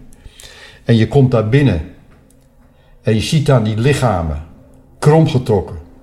Je ziet daar een vingerkootje wat nagekeken wordt, omdat het vingerkootje gelukkig dan nog kan aangeven dat iemand is overleden en dat je de nabestaande dan kunt vertellen is overleden, wat voor nabestaanden vaak heel belangrijk is.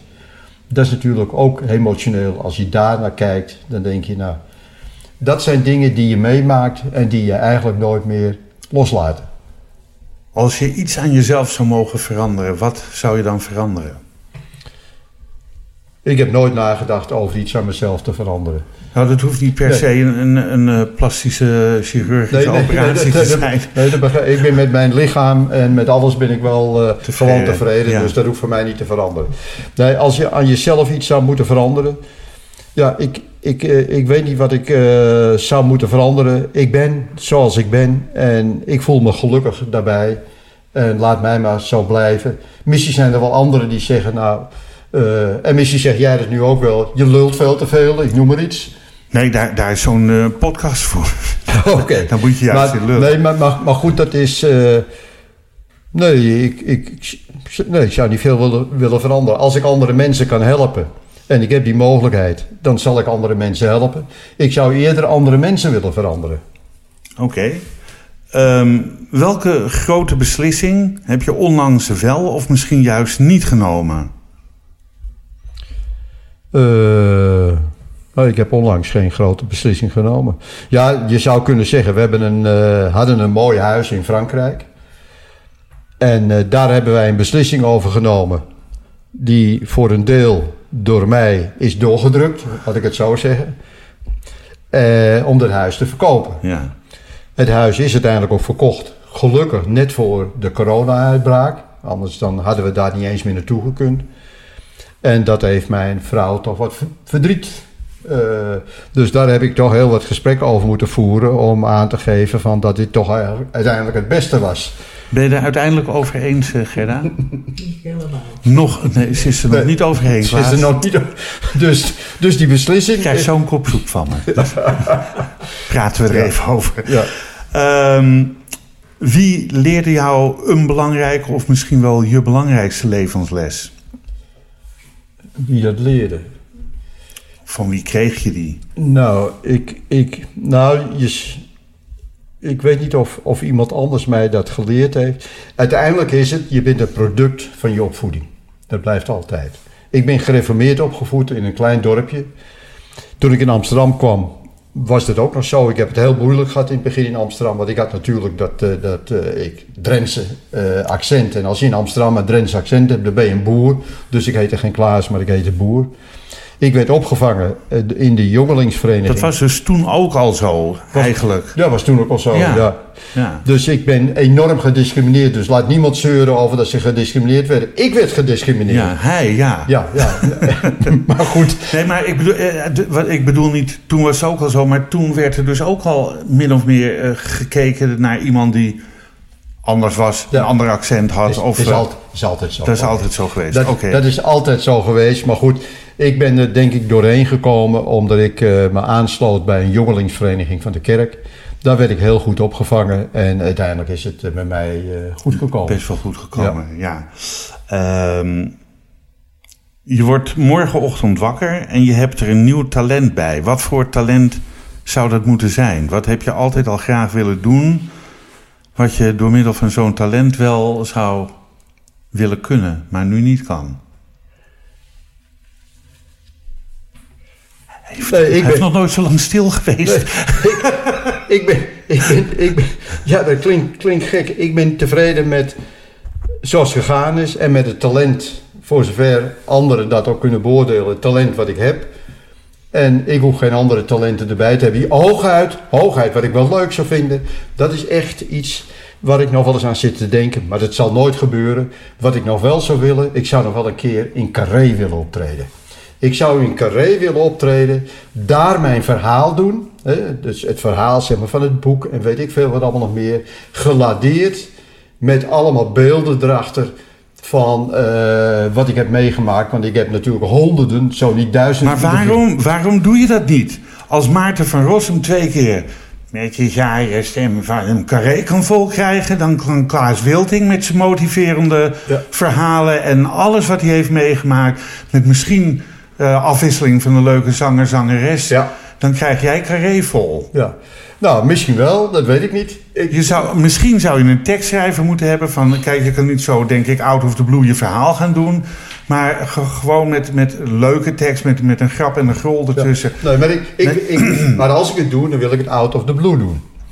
Waarom? Nou ja, ik heb pas ben ik ook weer geweest in, eh, op de grens van Drenthe en Groningen. Nou, ik word regelmatig uitgenodigd. Daar heb ik ook een eh, verhaal gehouden. Daar kon ik ook een uur en drie kwartier kon ik de mensen aan me binden. Dus, Ja, dus eh, ik zit even te kijken hoe wij... Wij praten al één uur en een kwartier. Oké, nou, dan, dan moet, gaan we nog een poos door. Ja, we Maar- gaan nog even door. Nee, maar, maar de- dat kan, natuurlijk kan dat. Ja, Ja. eh, Nou, ik denk, ik denk zelf, en zo eigenwijs ben ik wel. Ik denk zelf dat als er goede beelden achter zouden zitten. Wat je bijvoorbeeld ziet, want je hebt dan die hele grote ledschermen. En als je daar goede beelden, met oude interviews die ik in het verleden heb gegeven. Of met rellen die er toen zijn geweest. Of met, Oh god. of met aanpak van, van voetbalsupporters. Ja. Ik denk dat het een, voor mensen een hele mooie avond zou worden. Daar ben ik van overtuigd. Ja. En ik weet ook dat ik ook mensen kan motiveren. Eh, ook in Amsterdam mensen kan motiveren. En dat zeker als er wat oudere mensen zijn, en dan heb ik mensen boven de 40, die ook hebben meegemaakt wat ik heb meegemaakt in het oude Amsterdam. Van de vorige eeuw, zeg maar eind vorige eeuw. En ook begin deze tijd. En ik ga het laderen met deze tijd. Hoe deze tijd in elkaar zit. Wat we met elkaar eraan kunnen doen. Dat ik voor de mensen een hele mooie avond zou kunnen geven. Daar ben ik van overtuigd. Dat is niet eigenwijs bedoeld. Nee. Maar dat merk ik gewoon als ik ergens een verhaal hou. Mijn lezing hou. Dat de mensen aan mijn lippen hangen. Ik denk, als jij dat doet en met de directie een afspraak maakt op die datum, sta ik in Carré. En je zit eventjes in, eh, in, bij, bij Max, eh, bij, bij eh, Martine en bij, Ja, ja. bij Siebrand. En je Ja. zit eventjes wereldwijd bij Umberto. En ik bedoel, dat zijn programma's die heel breed bekeken worden. Daar heb ik ook wel over eens ingezeten hoor. Dus, eh, Ja, jawel, maar, maar nog niet voor je show Nee, in nee, Carré. Dat is, nee. eh, ik kom kijken, als je dat doet. Ja, ik, eh, dat, dat lijkt mij inderdaad een fantastische avond. En daarna drinken we een borrel. ja. Met wie zou je graag een dag willen ruilen? Nee, ik, ik heb helemaal geen behoefte Dan ben je toch een tevreden mens? Ik, ja, ik, Ja. nee, maar dat is ook zo. Ik, ik ben ook gewoon een tevreden mens. Ik zou, met, eh, ik zou niet weten met wie ik zou eh, willen ruilen. Want weet je, het is als je zo'n vraag stelt, dan is het heel vaak hoor je dan. eh, Met de koningin of de koning? Ja, Ja, dan, dan, dan hoor je hele grote namen waar ik mij gewoon niet mee wil vergelijken. Kijk, ik denk dat de kracht van Klaas Wilting is dat het Klaas Wilting is. Mhm. En zo moet je ook altijd naar jezelf kijken. Ik ben gewoon Klaas Wilting, een doodgewone jongen. Die het in het leven gelukkig gemaakt heeft. Maar ik ben een doodgewone jongen en ik voel me, ik, ik voel me happy tussen allerlei doodgewone mensen. Dus ik heb nooit een behoefte aan gehad om anders te zijn. Maar dat heb, is ook makkelijk gezegd als je ziet wat ik in mijn leven heb meegemaakt. Waar ik ben geweest, op welke plekken ik ben geweest. Dan kan ik alleen maar terugkijken met heel veel plezier en met veel genoegen. Omdat dat gewoon een heel mooi leven is geweest. Die heel druk is geweest, zwaar is geweest, dat zeg ik er onmiddellijk bij. Maar ook heel mooi is geweest. En daarbij komt nog een keer dat ik een goed gezin heb. Ik heb een aardige vrouw die wel eens mij tegenspreekt. Dat gebeurt wel eens. Maar Ja, snap ik ook niet dat ze dat doen altijd. Dat, eens tegenspreekt. We hebben leuke kinderen. Ja. We hebben lieve kleinkinderen. Nou, wat, dan, wat wil je dan anders? Dan, dan kan je alleen maar tevreden terugkijken. Ik, ik heb wel eens, ze hebben wel eens aan mij gevraagd... Wat zou jij op je grafsteen willen hebben? oh ja, ja. Nou, dan is wat ik dan altijd zeg. Hij heeft geleefd. Als mensen dat kunnen zeggen, hij heeft geleefd, dan heb je uit het leven gehaald alles wat je eruit kon halen. Ja. Daar gaat het om. ja. Ja, ik vind het mooi. Ben je bang voor de dood of niet? Ik moet je zeggen, als je ouder wordt, zoals wij dan, denk ik natuurlijk wel vaak na over de dood. Maar als je echt zegt, ben je er bang voor? Nee, soms, ja, dat klinkt, klinkt, Ja, ik, je, ik klinkt kan, een beetje... kan, je kan me niet voorstellen dat je dan denkt van... oh, ik, ik, eh, ik zou wel willen dat het over is. Of, nou, eh, ik wil niet theatraal zijn. Maar ik heb soms wel eens het gevoel, en dat klinkt gek, dat ik denk, ik vind het helemaal niet erg als het afgelopen is. En dat klinkt gek, maar en toch wil ik leven. ja, Want ik vind leven hartstikke mooi. ja, Maar als ik in mijn slaap, en hoop ik net als mijn vader, die gewoon op een stoel is gaan zitten, die nog lekker aan het werk was, die gaat op een stoel zitten, zucht een keer is dood. Is alleen voor de nabestaanden is het verschrikkelijk, maar voor jezelf, tenzij je in een hiernamaals gelooft. Hè? Maar in feite. Doe je dat nog na je gereformeerde opleiding of na je Nou, Amsterdam-periode? Ik, ik, ik, ik durf het, ik durf het, ik, ik weet het niet. Soms denk je wel, er moet iets zijn, want het kan toch niet zo zijn dat je in ene hier op deze aarde rondloopt. Eh, en dan in ene dat je dood bent. En dat dan in ene alles weg is. En, en, dat is, en dat is vooral, en dat vind ik altijd, wij moeten aanstaande vrijdag, moeten wij naar een crematieplechtigheid. Van een hele goede vriendin.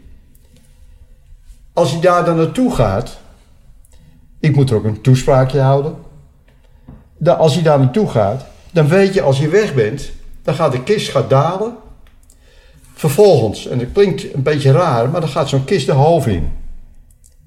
En je weet, en daar denk ik wel eens aan als ik bij een crematieplechtigheid ben, dan kom ik thuis. En, is, en hetzelfde met Peter natuurlijk gebeurt. Dan kom je thuis en is er niks meer. Dan is het weg. Ja, als je dat wil, kan je nog een urn mee naar huis krijgen. Met wat as erin. Nou ja, de een die vindt het prettig, de ander vindt het niet prettig. Maar goed, dat is een keuze die je zelf maakt. Dan zeg je, je bent binnengekomen om dan maar bijbels te bekijken. Je bent uit stof voortgekomen. En je verdwijnt ook weer als stof. En zo is het in feite ook. En dan kan je, als je over het hiernamaals nadenkt, dan is het zo dat je het gevoel hebt, het kan toch niet, het kan toch niet afgelopen zijn. Zal ik je zo direct nog even wat over vertellen? Onder vier ogen, oh, onder zes ogen. Ehm, hoe ziet jouw leven er over vijf jaar uit? Dan ben je 80, nee 83. Dan ben ik 83, ja. Ja. Dat weet ik niet. Ik hoop in ieder geval nog heel erg lang door te kunnen gaan zoals ik nu leef. Uiteraard met vrouw en met je kinderen. Dat is het allerbelangrijkste. En ik hoop dat ik gezond blijf. Want dat is natuurlijk wat je gelukkig hebt meegekregen tot nu toe. We zijn alle twee gezond en dat is eigenlijk het allerbelangrijkste. Maar dan hoop ik gewoon dat ik door kan gaan. Misschien nog een keer, dat weet ik niet, misschien nog een keer een derde boek schrijven, weet ik niet. Dat, uh, dat, nou maai je al mijn volgende vraag weg, maar dat geeft niet. Maar, maar, maar, maar, maar, maar, dat, dat eventueel een derde boek schrijven. Maar aan de andere kant vind ik het leuk dat ik in elk geval nog een poosje door kan gaan met verhalen vertellen. Wat weet bijna niemand van je? Ja, dat ik een vrouwenjager ben. Nee hoor. nee hoor. Nou, het tegendeel is eerder waar. Ik ben gelukkig getrouwd en dus dat, uh, dat hoeft voor mij niet. Nee, uh, nee hoor, dat is... Ik, ik, laat ik zo zeggen, ik gun het bijna iedereen. Kijk, wij zijn bij, uh, 52 jaar getrouwd. Ja. Als je dat, je leven zo kunt inrichten en je kunt dan ook, en je gaat goed met elkaar om, dan is het toch niks anders. Nee, ik vroeg alleen maar, wat, wat weet bijna niemand van je? Ja, ja maar, dat, nou, maar goed. Dat, dat is, je 52 jaar getrouwd bent. Ja, nou, dat weten een heleboel nou, Dus wat weet ik, zou niet weten wat ik... Ik heb geen geheimen. Mensen die mij kennen, en die weten ook uit mijn politieperiode... Ik ben een open boek. Als er iemand is die je zou mogen bedanken, wie zou je dan bedanken? Dat is mijn vrouw en kinderen. Dat, dat, zou ik, uh, dat zou ik zeer zeker zou ik doen. En dat heb ik ook gedaan als je dat boek bekijkt. Zie je de roerige jaren van een politiewoordvoerder. En je kijkt voorin. Ja, dat heb ik gelezen. Ja. En je kijkt voorin. Dan zie je dat het is aangeboden. Of in elk geval voor mijn vrouw en kinderen. En waarom? Omdat in feite je leven daar voor een deel door wordt bepaald. En het tweede, zij hebben meegemaakt wat het betekent om vrouw, om kinderen, van een politiewoordvoerder te zijn in de periode zoals ik het heb gedaan. En in de periode dat jullie zelfs beveiliging, persoonlijke beveiliging nodig hadden. Ja. ja. En als ik het tweede boek bekijk, dat is Het gevaar loert overal, dan is daar, dan bedank ik daarin in feite mijn collega's. Omdat ik nog steeds vind dat die respect verdienen voor wat ze nu nog elke dag doen om te proberen Nederland veiliger en leefbaarder te maken. Dat is ook waarom ik mij ook zo boos kan maken over wat er nu gebeurt door Halsema, die dan in een roep van ja. er moeten mensen bij staan. Dat is, dat is een klap in het gezicht van die politiemensen die dagelijks voor ons bezig zijn. Dat boek, uh, De roerige jaren van een politiewoordvoerder, kwam uit in 2019. Um, hoe roerig waren voor jou die jaren? Je hebt natuurlijk een heel tal van voorbeelden gegeven, maar als je dat in één zin zou moeten omschrijven, lukt je dat? nou, als ik het in één woord ga omschrijven, is dat ik heb meegemaakt de verandering, enorme verandering in de samenleving. Van een huisje, bo boompje, beestje samenleving na de oorlog vooral na de oorlog, waarbij werd gezegd: jullie moeten Nederland opbouwen. Hè? is op een gegeven moment de flauwe power periode begonnen en hebben we die omwenteling gezien. Hm. De omwenteling van opkijken naar een minister, opkijken naar een burgemeester, opkijken naar een dominee, is het veranderd in langzamerhand worden we gelijk. En dan moet je maar laten zien dat je het verdient dat wij tegen je opkijken. Dus dat is de grootste verandering in de samenleving geweest. Op welk moment dacht je, ik ga die roerige jaren die ik heb meegemaakt, 36 jaar bij de politie, uh, op schrift stellen? Toen ik stopte bij de politie, toen werd ik overvallen door verschillende uitgevers. Die wilden dat ik mijn verhalen op papier ging zetten. Had ik helemaal geen zin in, want ik had een heleboel andere dingen. Uiteindelijk kwam ik in contact met de uitgever die dit boek uiteindelijk heeft uitgegeven, Just Publisher. En uh, die man die bleef aanhouden. Nou, uiteindelijk heb ik gezegd, dan ga ik een boek schrijven. Ik heb hier, geloof ik, twee jaar over gedaan, minimaal. En niet constant geschreven, want dan had ik er enige zin meer in en werd het weggelegd. En uh, uiteindelijk is het boek geworden en gelukkig succesvol. Ben je er zelf... Oh, shit. Nou sla ik ook mijn microfoon weg. Ben je zelf tevreden over het boek? Ja, ik ben, ja? Ik, ja maar dat is, ik vind het veel belangrijker of een ander tevreden is. Dus dat een ander tevreden is over het uh, boek. En vervolgens heb ik het tweede boek geschreven, wat er een vervolg op is, met wie, meer zaken ook naar deze tijd. Daar heeft de coronatijd voor gezorgd. Want de corona valt, mijn agenda was in één keer leeg. En toen denk ik, ik ga nu beginnen aan het tweede boek en ik heb bijna constant eraan gewerkt.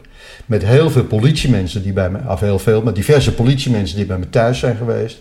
Ik heb politiemensen thuis bezorgd, uh, bezocht om ook hun verhalen te horen die ik wel kende, waar ik als woordvoerder voor had gestaan, maar die ik niet zelf had onderzocht, want dat hadden zij gedaan. Mm En dat, was dat ook leuk om te doen? Dat vond, dat, vond, dat vond, ik eigenlijk nog veel mooier. omdat dan kwamen de oude verhalen weer naar voren. ja.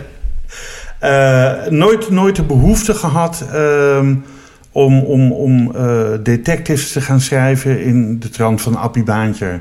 Die ik overigens ook in de studio heb mogen ontvangen. Ja. En bij hem thuis ben geweest in Medemblik. Ja, ja. Beste treintjes in de tuin. Beste treintjes in de tuin, inderdaad. Die ja. had hij, ja. Nou, ja. Ik, ik ken Appie hier natuurlijk heel goed. Ik heb hem ook in mijn tv-programma gehad. Oké. Okay. Ik ben ook bij hem thuis geweest. En Appie die gaf ook altijd een uh, rondtour door Amsterdam met zijn uh, fans, zeg maar. En na afloop kwam hij altijd bij mij op het hoofdbureau en hield ik daar ook een keer weer een toespraak.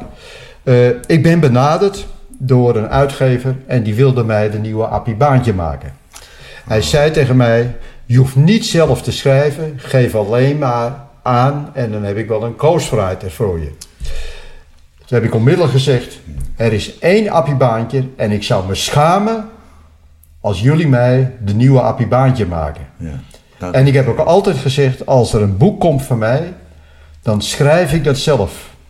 Dit boek en ook het tweede boek heeft niemand mij bij geholpen.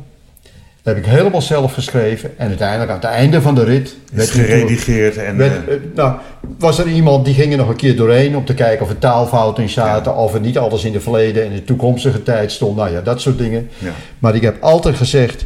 ik ga niet achter de tafel zitten om het te presenteren met nog iemand naast me die het eigenlijk geschreven heeft. Ja, nee, dat, is, dat, dat zou ook jouw eer te na zijn. Dat, ja, daar kan ik me alles bij voorstellen. Um, in je hoofdstuk met de pakkende titel Hondelul beschrijf, beschrijf je hoe jullie... Uh, hoe er op jullie gescholden werd en de meest ja. vreselijke ziektes naar je hoofd ja. geslingerd kregen. Discriminerende taal, kankerjoden, ja. et cetera. Bijna dierlijk gedrag noemde je dat. Uh, is dat hoe jij het omschrijft. Wat gaat er in een politie, man, vrouw om uh, als, als dit soort dingen naar je wordt geroepen? Want ik denk, dan moet je toch mentaal ook sterk in je schoenen staan om, dat maar, om je dat niet persoonlijk aan te trekken. Ja, ja. Dat, dat is natuurlijk ook zo. Als het ook te ver ging, dan arresteerde je iemand. En die nam je dan mee naar het bureau. Maar zodra je een ME-verband, en daar gebeurt natuurlijk het meeste, en je ziet de stenen naar je kop komen. En je hoort inderdaad dat dierlijke gedrag, want het was er natuurlijk ook zo.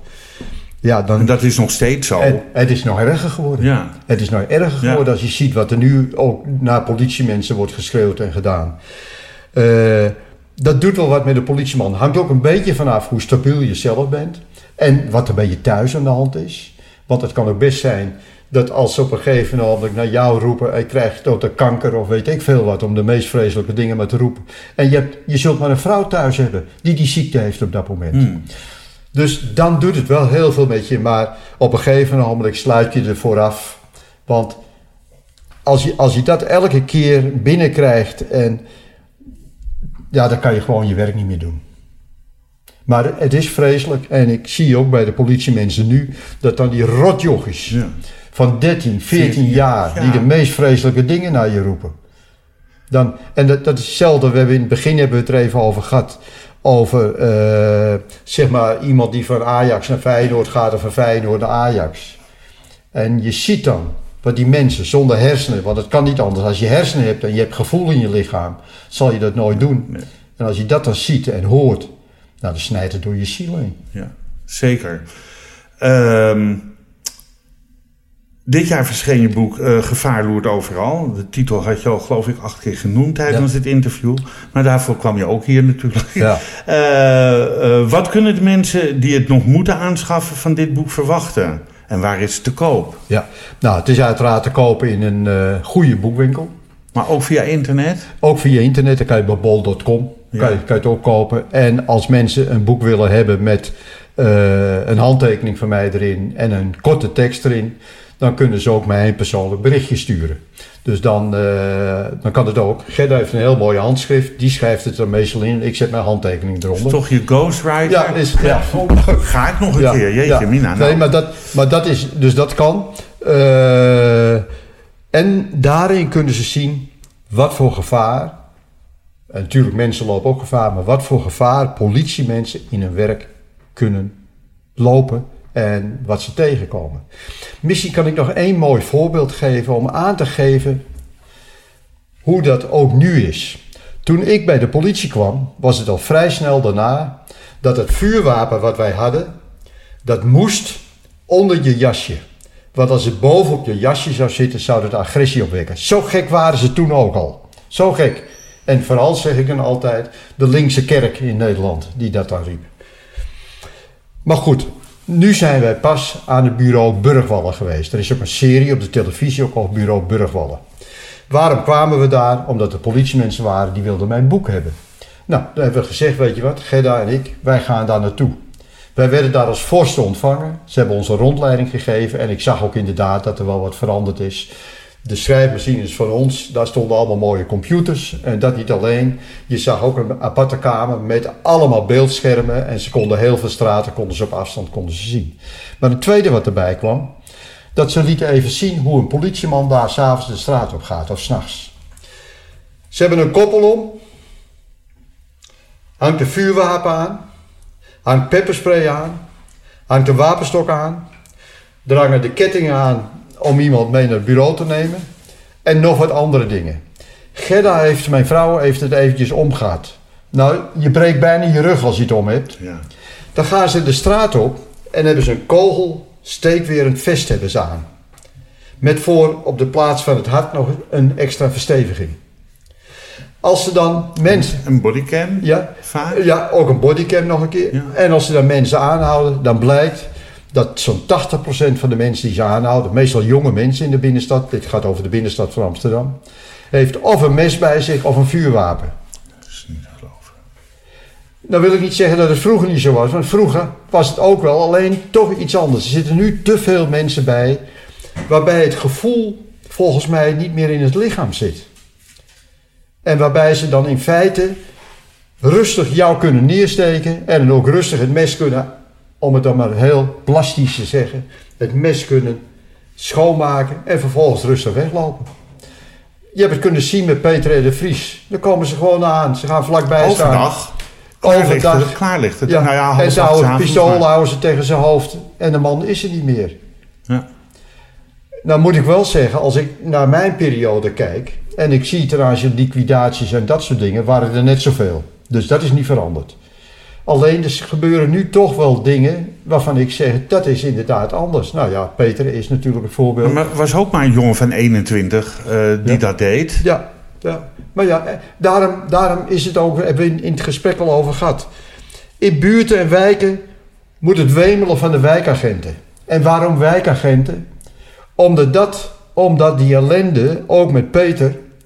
In de, in en de ik kunnen ik smoren weet het omdat ik er ook heel dichtbij heb gezeten... bij mensen die daar op een of andere manier mee te maken hebben. Die zijn ook in die buurt opgegroeid. Maar dan niet in Amsterdam, maar die zijn in die buurt in Utrecht opgegroeid. Die zijn daar opgegroeid, net als wat ik, wat ik al vertelde van mensen die in feite al op 14, 15-jarige leeftijd eruit geplukt hadden moeten worden. Waarbij ze hadden moeten zeggen, joh, kom jij nou eens even mee. Ik denk dat het met jou iets fout gaat. Dat meisje, dat dat gebeurt meisje niet. in Amstelveen, twee weken geleden, die geen antwoord gaf op een vraag. Twee jongetjes van elf die dat kind in elkaar slaan Ja. omdat ze... Ja, nee, maar goed. Dat, En, en, en, en, en, dat, en dat zie je. En Ja. dat is natuurlijk, dat is een samenleving waarbij we met elkaar niet in willen wonen. Maar als ik dan even kijk naar de politiek, die daar mede verantwoordelijk voor is, die niet heeft gezorgd dat de politie op sterkte is, dat er voldoende officieren van justitie en voldoende mensen van de rechterlijke macht zijn, dan krijg je dit. Dan krijg je een samenleving, met een, of een rechtsstaat waarin we dan leven, die in feite al verrot is aan de wortels die er onderin zitten. Dus dat kan, dat kan je gewoon, de politiek. Als je nu naar deze tijd kijkt en je kijkt naar de politiek, dan is het toch huilen met de pet op. Als ik naar Den Haag kijk, dan is er niemand, maar dan ook niemand, als hij voor de tv komt, dat ik denk: hé, hey, daar zit iemand, daar kan ik maar aan optrekken. Die zal even zorgen dat Nederland beter wordt. Niemand. Huilen met de pet op. nou, meneer Grapperhaus. Ja, nee, maar is, Ja, nee, is, toch zo als het Ja. Grapperhaus... Ik, ik denk dat Grapperhaus een stinkende best doet. Alleen aan de andere kant, als ik die man hoor en ik zie hem voor de televisie... dan zie ik niet een man staan zoals Erik Nottelt. Oh, ja, De oude ja. hoofdcommissaris. Die ging zitten. En daar zat ook iemand en, dan. En, ja, en er zat, iedereen zat er naar te kijken. Ja. En die hing aan zijn lippen. Want Ja. zijn verhaal klopte. Alleen, Erik hebben ze de mond willen snoeren. Waarom? Omdat dan de politiek iets zou moeten doen. Erik heeft ze de mond niet laten snoeren. Maar in feite is dit het prachtigste voorbeeld om te zien wat voor benden ze ervan hebben gemaakt, omdat ze niet willen luisteren naar mensen die echt weten hoe het in de praktijk zit. Nee, ze zijn met zichzelf bezig en het liefst hebben ze dat mooie plus op de stoel, dat ze daar niet vijf jaar, maar als het enigszins kan 20 jaar op kunnen zitten met 120.000 euro per jaar aan salaris, wat ze als ze in de, in de normale praktijk zouden zitten nooit zouden krijgen, met allerlei toeslagen er nog een keer bij, dan denk ik jongens, het is een schande wat er gebeurt. Wat zijn je plannen voor de toekomst? Mijn plannen voor de toekomst zijn in feite doorleven zoals ik nu doe. Mijn verhalen blijven houden. Vinger op de zere plek liggen, leggen. En dan gewoon lekker met mijn gezin hoop ik dat we nog heel lang bij elkaar blijven. Dat is eigenlijk het enige wat ik wil. Nou wil ik jou bedanken voor je komst en dat je Gerda hebt meegenomen, dat we die ook hebben mogen leren kennen. Eh, dank voor je komst. En deze podcast is mede tot stand gekomen door medewerking van het Kennemer Theater in Beverwijk en uitgegeven door de Vrijstaat Roots. Wat mij betreft graag tot de volgende podcast. Dit programma werd mede mogelijk gemaakt door het Kennemer Theater in Beverwijk en Brasserie de Smaakkamer in Beverwijk.